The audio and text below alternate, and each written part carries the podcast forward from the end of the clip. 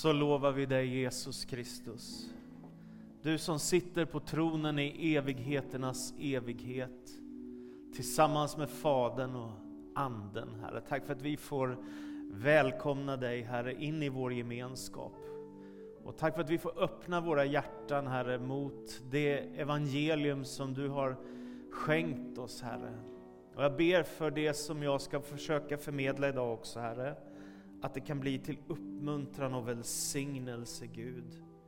När stormen kommer, Herre, vad gör vi då? Jo, men då finns du där, Herre. Tack för att du är trofast, tack för att du är god, Herre. Tack för att du vill välsigna oss var och en. Så ber vi i Jesu Kristi namn. Amen.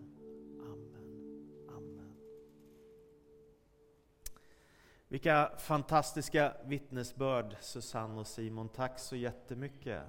Det är rörande att höra vad kyrkan kan få betyda för människor.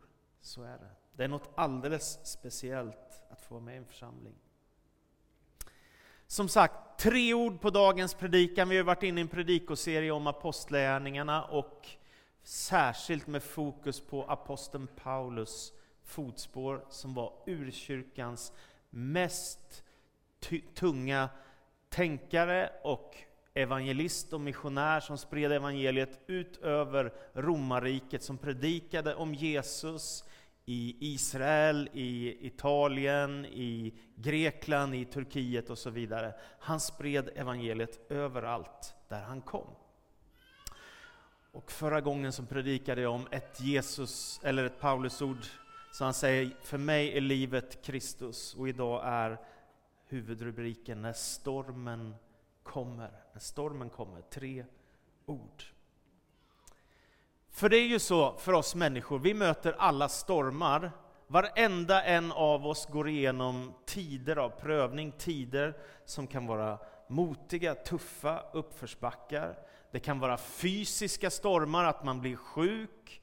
Det kan vara andliga stormar, att man känner att det krisar i mitt liv på olika sätt.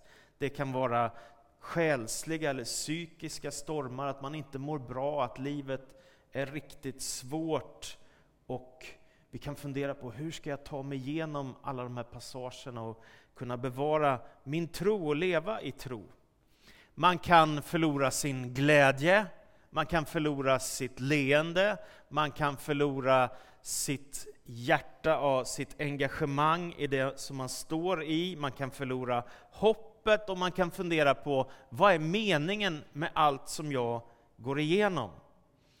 Det kan bero på samtal med en chef på jobbet till exempel, som ställer till det för dig, helt oförberett.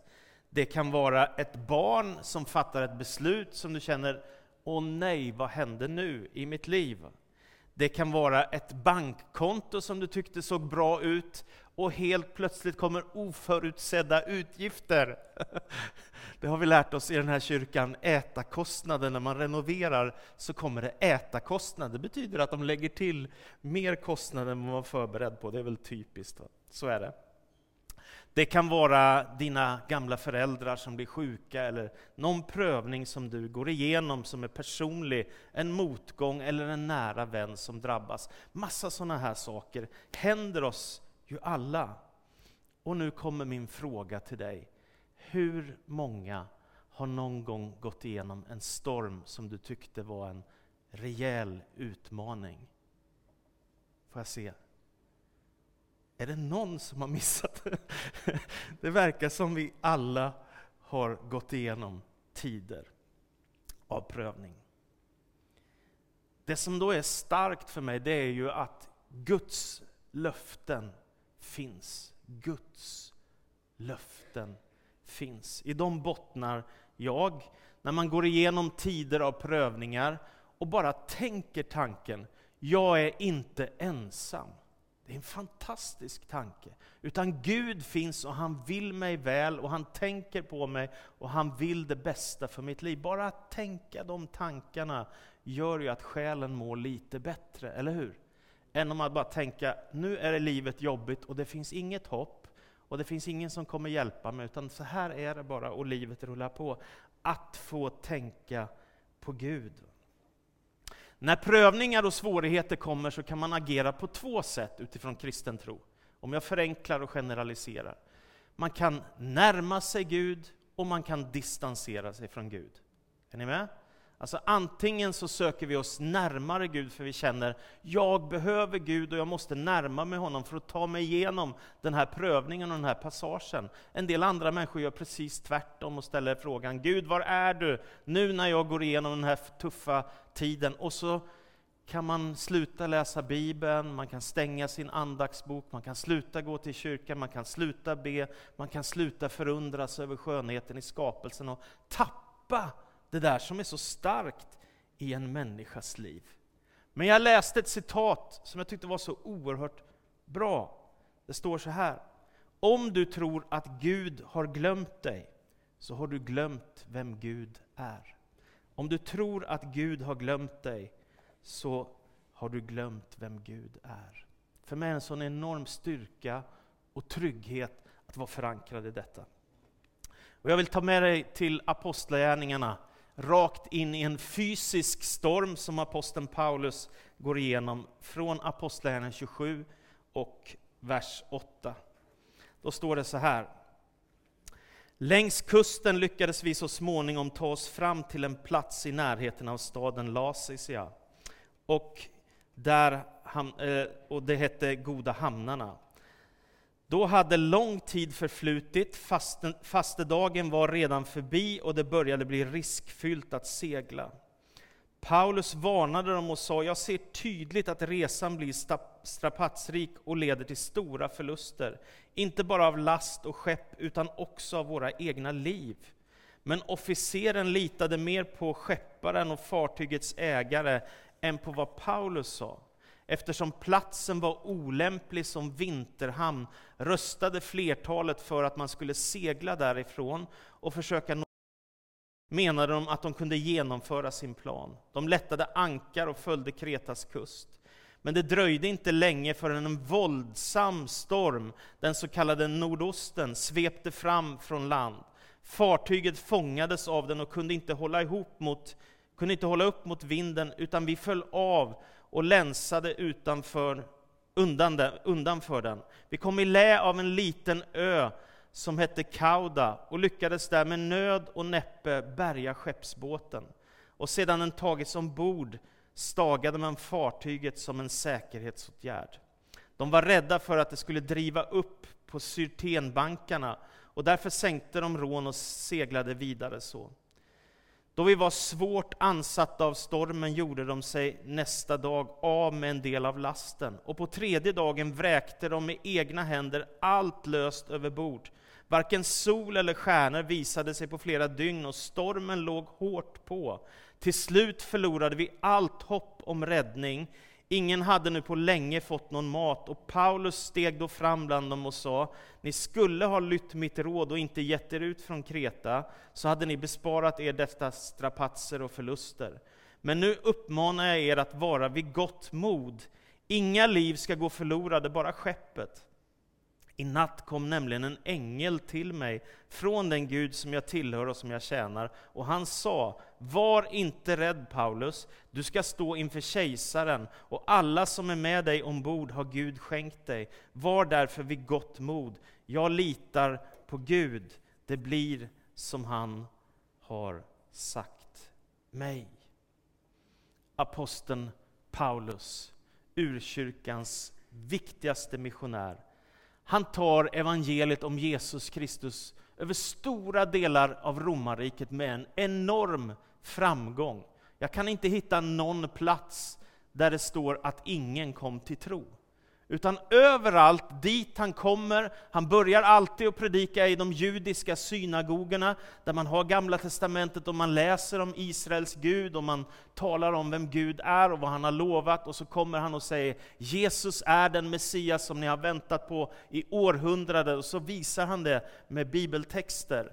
Och sen så går han också till hedningar, och så icke-judar alltså, och så predikar han evangeliet om Jesus utifrån alla möjliga olika bakgrunder. Han använder sig av filosofer, av teologi, han använder sig av citat av berömda författare och så anknyter han till människor och människor kommer till tro överallt där han far fram. På vissa ställen så stannar han i åratal, på andra ställen är han bara några få veckor och ändå på plats efter plats efter plats så grundas det nya kyrkor och Jesusrörelsen växer enormt och massor av människor kommer till tro på Jesus, blir döpta i vatten, överlåter sig till Gud och blir en aktiv del i församlingen och så lever man tillsammans som kristna. Det är ju fascinerande. Eh, men de här segerresorna är den ena sidan. Den andra sidan är att Paulus möter förföljelse. Han möter våld och misshandel. Det är vi inte vana vid här. Va? Någon kan vara taskig. Ja, men är du kristen? Du skojar väl? Liksom. Är du religiös, som en del säger? Vilket jag aldrig har varit för övrigt. Jag är inte dugg religiös. Men jag är djupt troende på Gud. Det är stor skillnad för mig. Men det där kan man möta i Sverige, sekulariserade Sverige. Men vi möter kanske inte våld för vår tro, men det gjorde Paulus. Han hamnar i alla möjliga svåra omständigheter. Och i den här bibeltexten så är Paulus på väg mot kejsaren i Rom. Det är rätt mäktigt. va? En judisk skriftlärd ska nu stå inför kejsaren och berätta varför han har blivit tillfångatagen. Så det är det som den här resan handlar om, när det blir så oerhört dramatiskt och stormen blåser upp och skeppet håller på att gå under. Men låt mig ta dig med nu till fyra olika ställen i Paulus liv, fyra olika platser, där det på olika sätt blir storm. Storm rent fysiskt eller storm bildligt talat.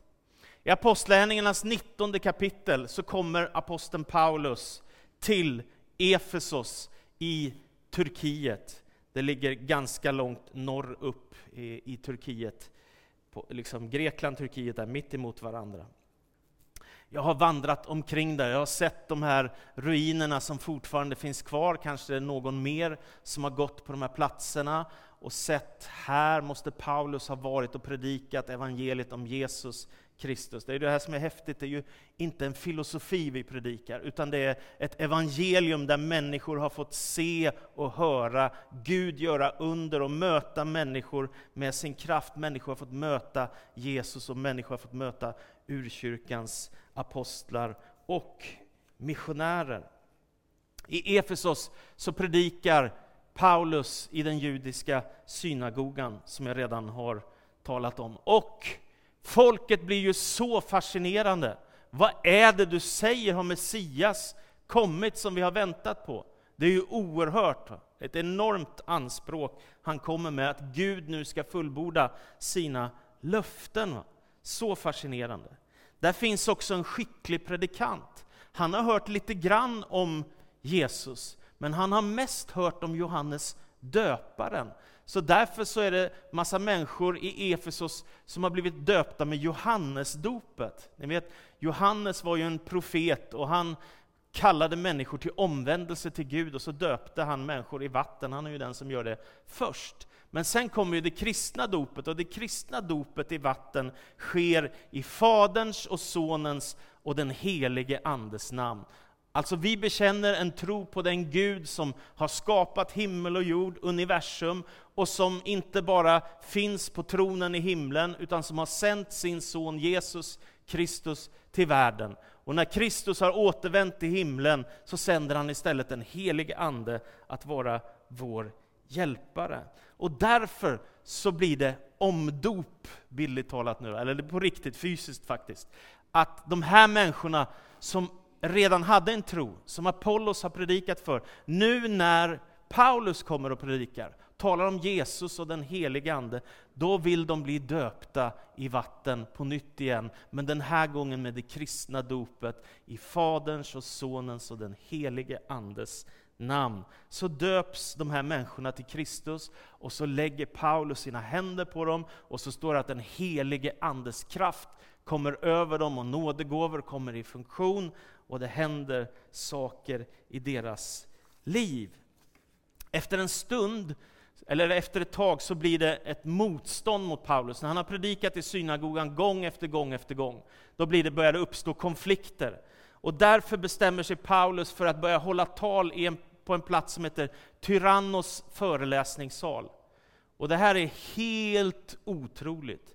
Därför att det står att under två års tid predikade Paulus om Jesus så att alla i mindre Asien fick höra evangeliet om Jesus Kristus, både judar och greker. Är ni med? Alla! Inte så här, ja, det kom 4 procent av, av Efesos befolkning kom, utan alla i mindre Asien fick höra evangeliet om Jesus därför att Paulus vågade predika i Tyrannos föreläsningssal om vem Jesus är och vad han har gjort. Och det blir så många människor som kommer till tro, också människor som har ägnat sig åt avguderi och okultism och grejer, som börjar samla ihop sina böcker för de kände det här kan vi ju inte ha med oss längre. Det här är ju avguderi. Och vet du hur mycket böcker som bränns i Efesos?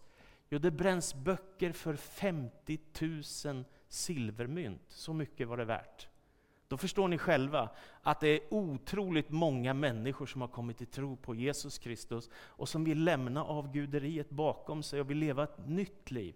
50 000 silvermynts värde bränns det okulta avguda böcker för. Vad händer då?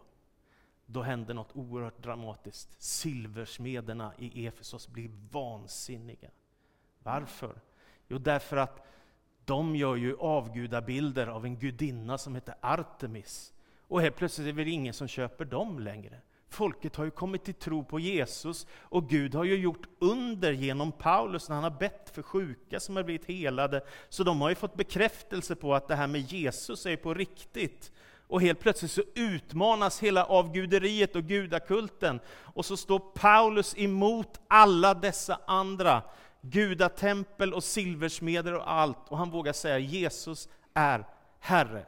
Och det utmanar hela avguderiet. Och folket lyckas liksom bli upprörda över det som händer och silversmederna lyckas få igång en riktigt kraftfull protest. Och i två timmar står de och ropar om gudinnan Artemis för att liksom den ansvarige staden ska göra något åt det här som händer.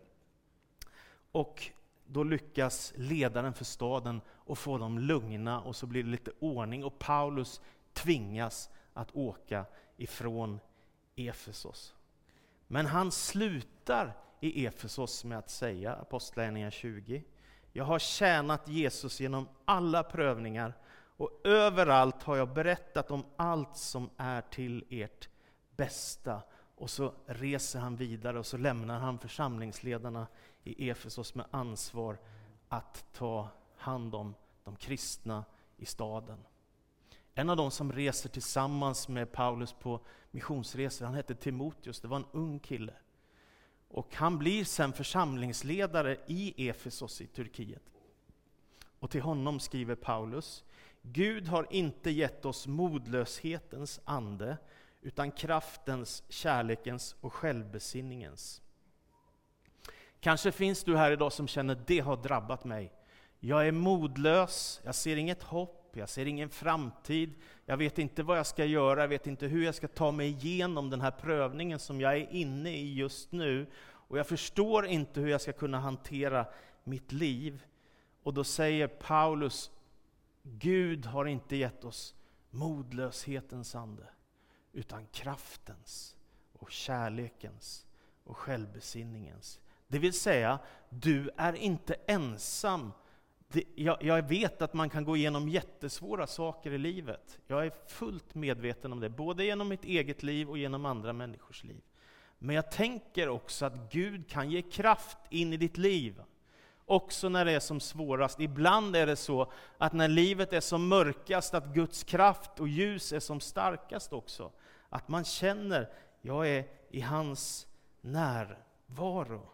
Och poängen är att du aldrig någonsin kan bli övergiven. Om du tar emot Jesus Kristus som din frälsare och Herre, då tar Guds ande sin boning i dig. Du är ett tempel för Gud och han är hos dig dag efter dag. Du är aldrig ensam. Även om du känner dig ensam, så är Gud hos dig.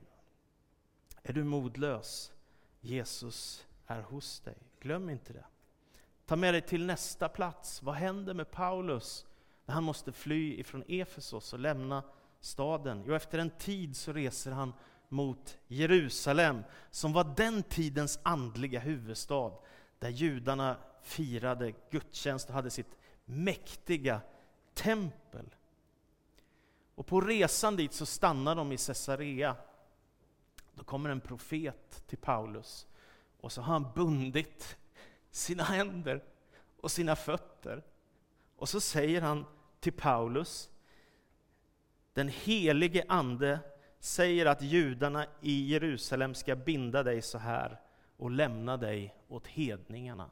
Det vill säga, profeten han förbereder Paulus på att du kommer att möta svåra saker om du ger dig vidare till Jerusalem. Och en del tänker väl att ja, men det är väl jättebra om han stannar kvar här istället i Caesarea. Det är väl fantastiskt bra.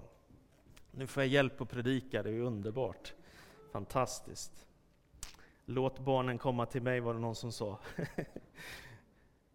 När folket hör de här orden från profeten Agabos, då börjar de gråta och börjar ropa till Gud. Gud förbarma dig över oss. Men Paulus, han säger, varför gråter ni? Varför vill ni ta modet ifrån mig? Jag är redo att fängslas och dö i Jerusalem för Jesu namns skull. Ja, då var den saken klar. Ni gråter och ber, jag vet vad jag är redo att vara med om. Jag kan lida och dö för Jesu namn om det, om det behövs, säger Paulus. Och sen reser han från Caesarea till Jerusalem. Och i Jerusalem blir det världens glädje över att Paulus kommer.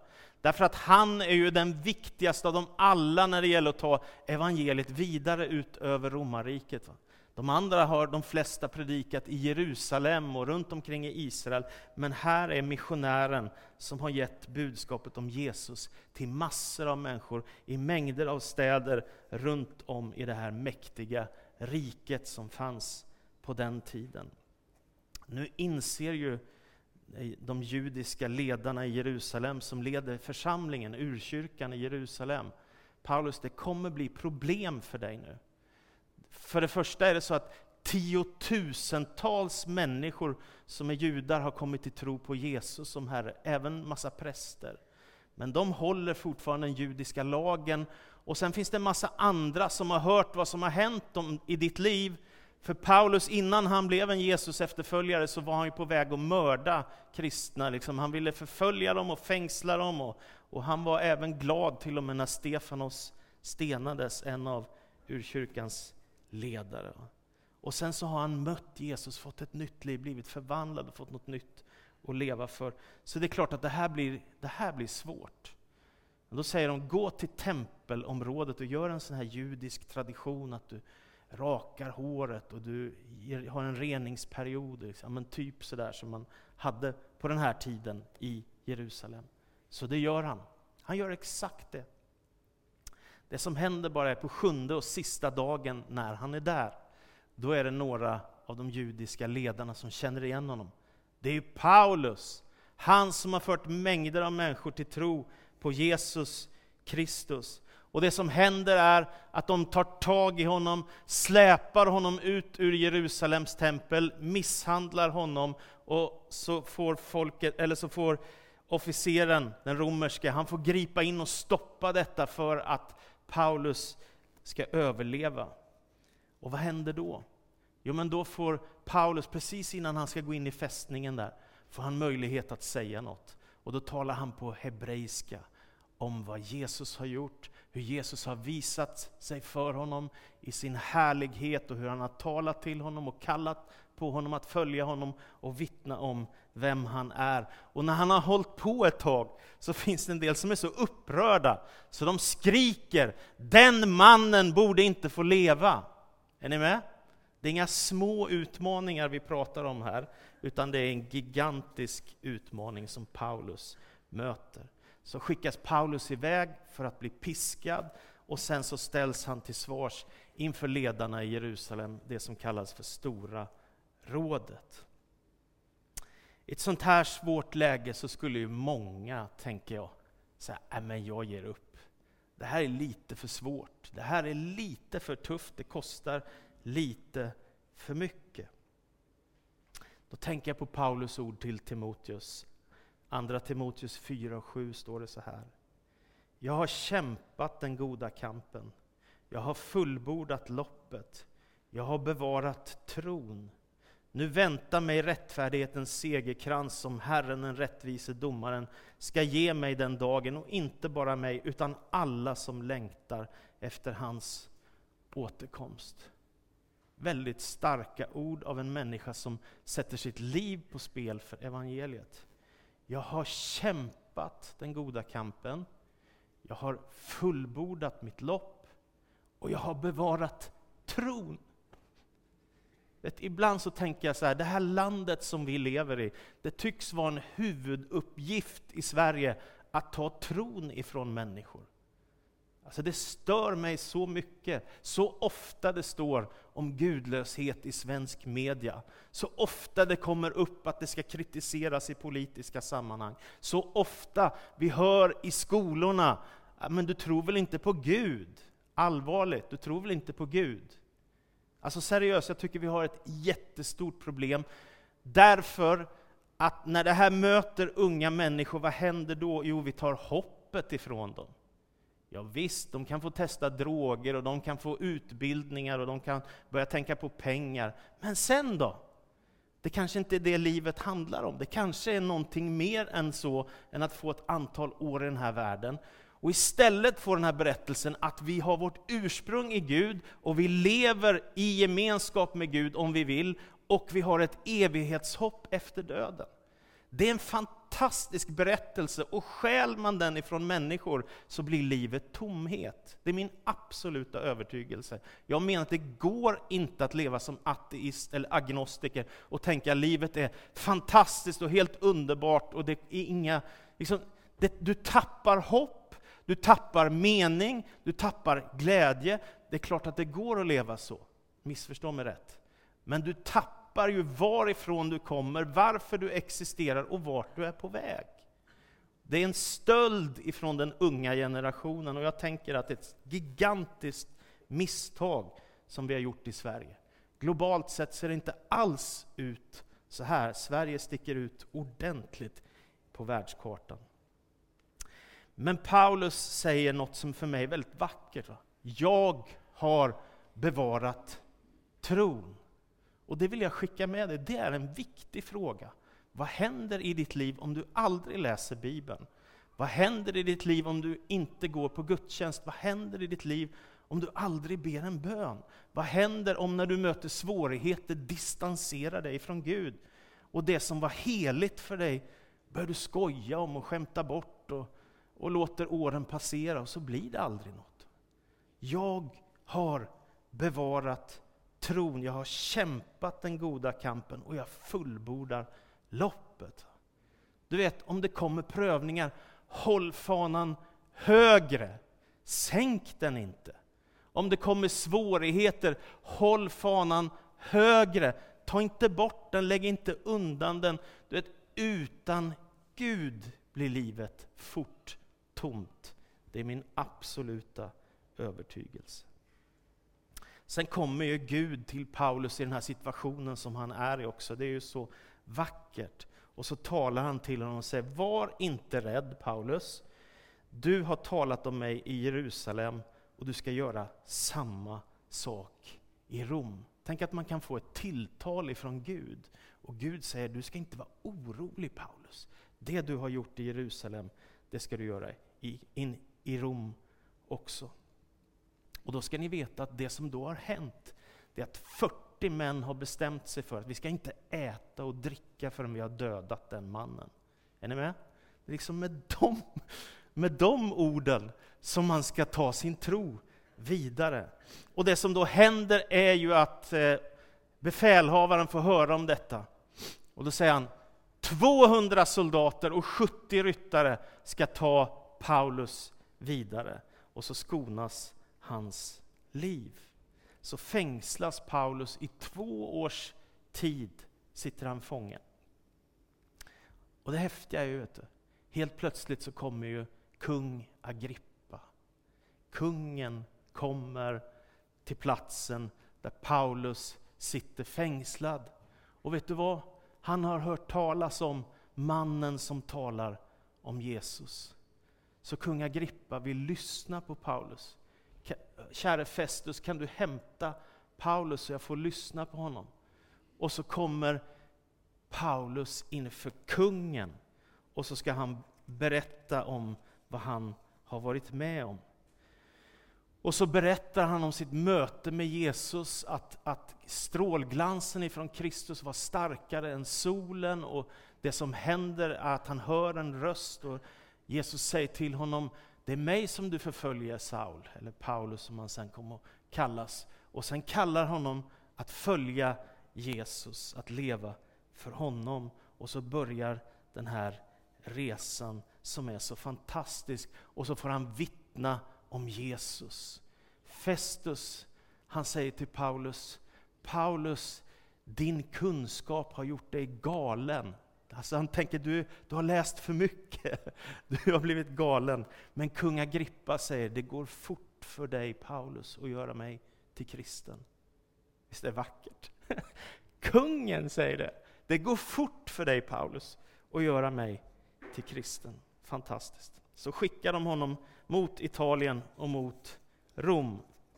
Och det är där det händer, det blir så oerhört dramatiskt. Nu är det inte andlig storm och förföljelse och svårigheter, utan nu är det en fysisk storm. Vindarna blåser upp utanför Kreta när de är på väg med skeppet och det blir livsfarligt. Och Paulus har ju varnat dem, ge er inte ut nu i vintertiden, därför att det här är farligt när det blåser upp. Och ändå så kommer de iväg och lyssnar inte på vad han säger, utan seglar iväg. Dramatiken är enorm och stormen varar i flera dygn.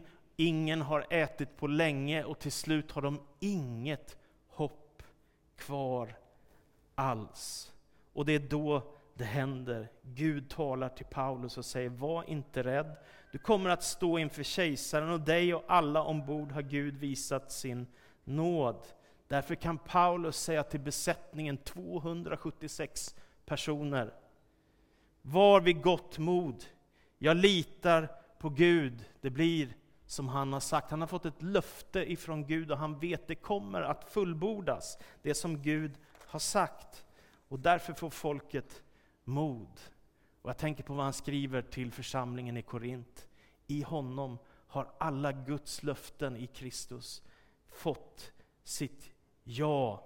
Och därför säger vi också vårt ja genom honom till Guds ära.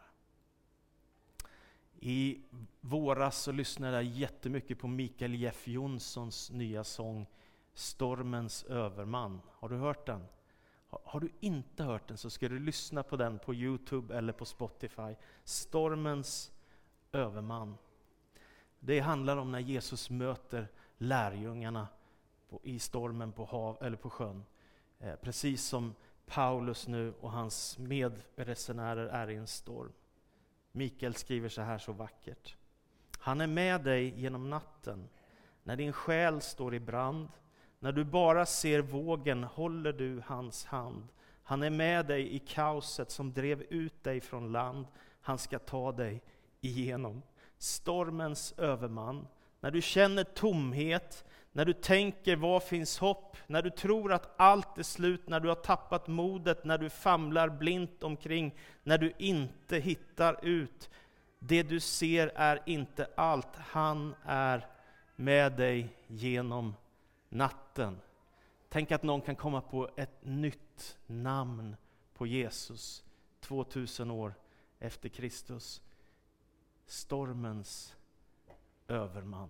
Stormens överman. Det är detta som är att vara kristen, att tänka att vi är inte utlämnade bara till den här världens omständigheter. Det finns någon som tänker på oss, som bryr sig om oss. Det är inte kört, du är inte ensam, du är inte övergiven, livet är inte hopplöst. Gud finns hos dig. Även om livet är mörkt så är han hos dig, även om du går igenom tuffa saker så är Gud trofast och han står kvar. Och du vet, evangeliet säger att Kristus är uppstånden ifrån de döda, att döden är besegrad, att Jesus ska komma tillbaka, att det finns ett himmelrike, att Gud ska göra slut på ondskan en dag, att Guds rike ska sammanfattas i Kristus och Gud ska bli allt överallt, står det. Det vill säga, Gud är på väg med oss på resa. Han kommer att fullborda sin plan. Och därför så är det att vara kristen så oerhört starkt. Därför att vi lever för ett högre syfte. Petrus skriver, han har gett oss sina stora och dyrbara löften. Det blir som Gud har sagt. Och till slut så kommer Paulus till Rom. Då har det gått 30 år sedan Jesus dog och uppstod. Nu är det år 60, ungefär. Och så kommer Paulus mot Rom då har han fått se massor av människor komma till tro på Jesus. Han har fått se massor av kyrkor grundas, han har fått avskilja många ledare och han har blivit misshandlad, han har blivit piskad, han har blivit, fått stenar kastade på sig, han har mött motstånd och hån och det ena efter det andra. Han har betalat ett högt pris för sin tro och för sin kallelse.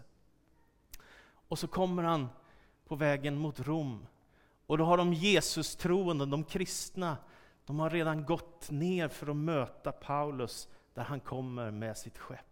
Tycker är så vackert. De sitter inte och väntar i Rom på att bjuda på kaffe, utan de har gått för att möta honom när han kommer till staden. Och så kommer han till Rom, världshuvudstaden i den här tiden. Och under två års tid får han predika evangeliet om Jesus Kristus och ingen hindrar honom. Visst är det ofattbart? Så slutar apostlärningarna. Och Paulus var två år i Rom och han predikade fritt evangeliet och ingen stoppade honom. Och sen tar det bara slut. Det är en märklig avslutning. Vilken oerhörd dramatik. Vilka svåra prövningar. Men berättelsen slutar med att Guds löften har fullbordats. Att det som Gud hade sagt blev sant, visade att Gud är trofast. Till slut, det kan komma tider i ditt liv som är tuffa. Det kan komma tider i ditt liv som man går igenom prövningar och motgångar, tider av kamp. Men Gud är trofast. Det har vi sjungit i årtusenden. Gud är trofast. Han överger oss aldrig. Han lämnar oss aldrig. Och därför behöver du inte leva med modlöshetens ande i ditt liv.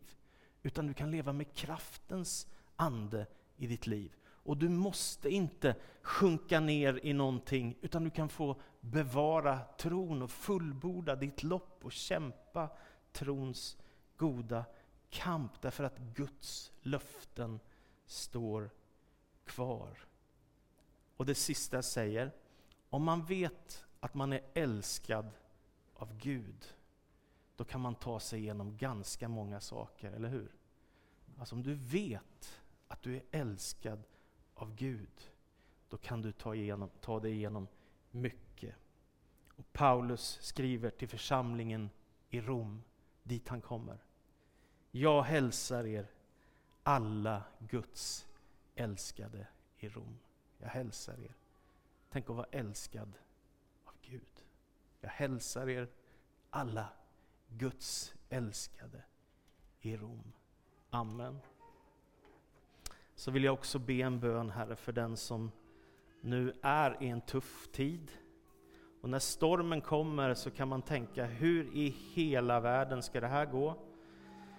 Och när prövningarna möter så kan man tänka, hur ska jag överleva eller hur ska jag ta mig igenom den här svåra situationen? Och jag ber här att någon ska ta med sig den här bilden hem idag. Om stormens överman, om att bevara sin tro, om att kämpa trons goda kamp, att inte ge upp. Att inte tro att man är övergiven, utan du är trofast Gud. Du älskar oss, du kallar på oss Herre. Så jag ber, välsigna oss var och en nu Herre, när vi tar en stund av bön och lovsång Herre, låt oss få känna din kraft, din tröst, din närvaro, din helighet och härlighet. Uppenbara dig, tala till den som behöver det Herre, tala in i den människans liv Herre. Genom ett profetiskt ord, genom en tilltal, genom en inre förnimmelse eller vad du nu har tänkt Gud. Jag ber, låt det få ske. Amen.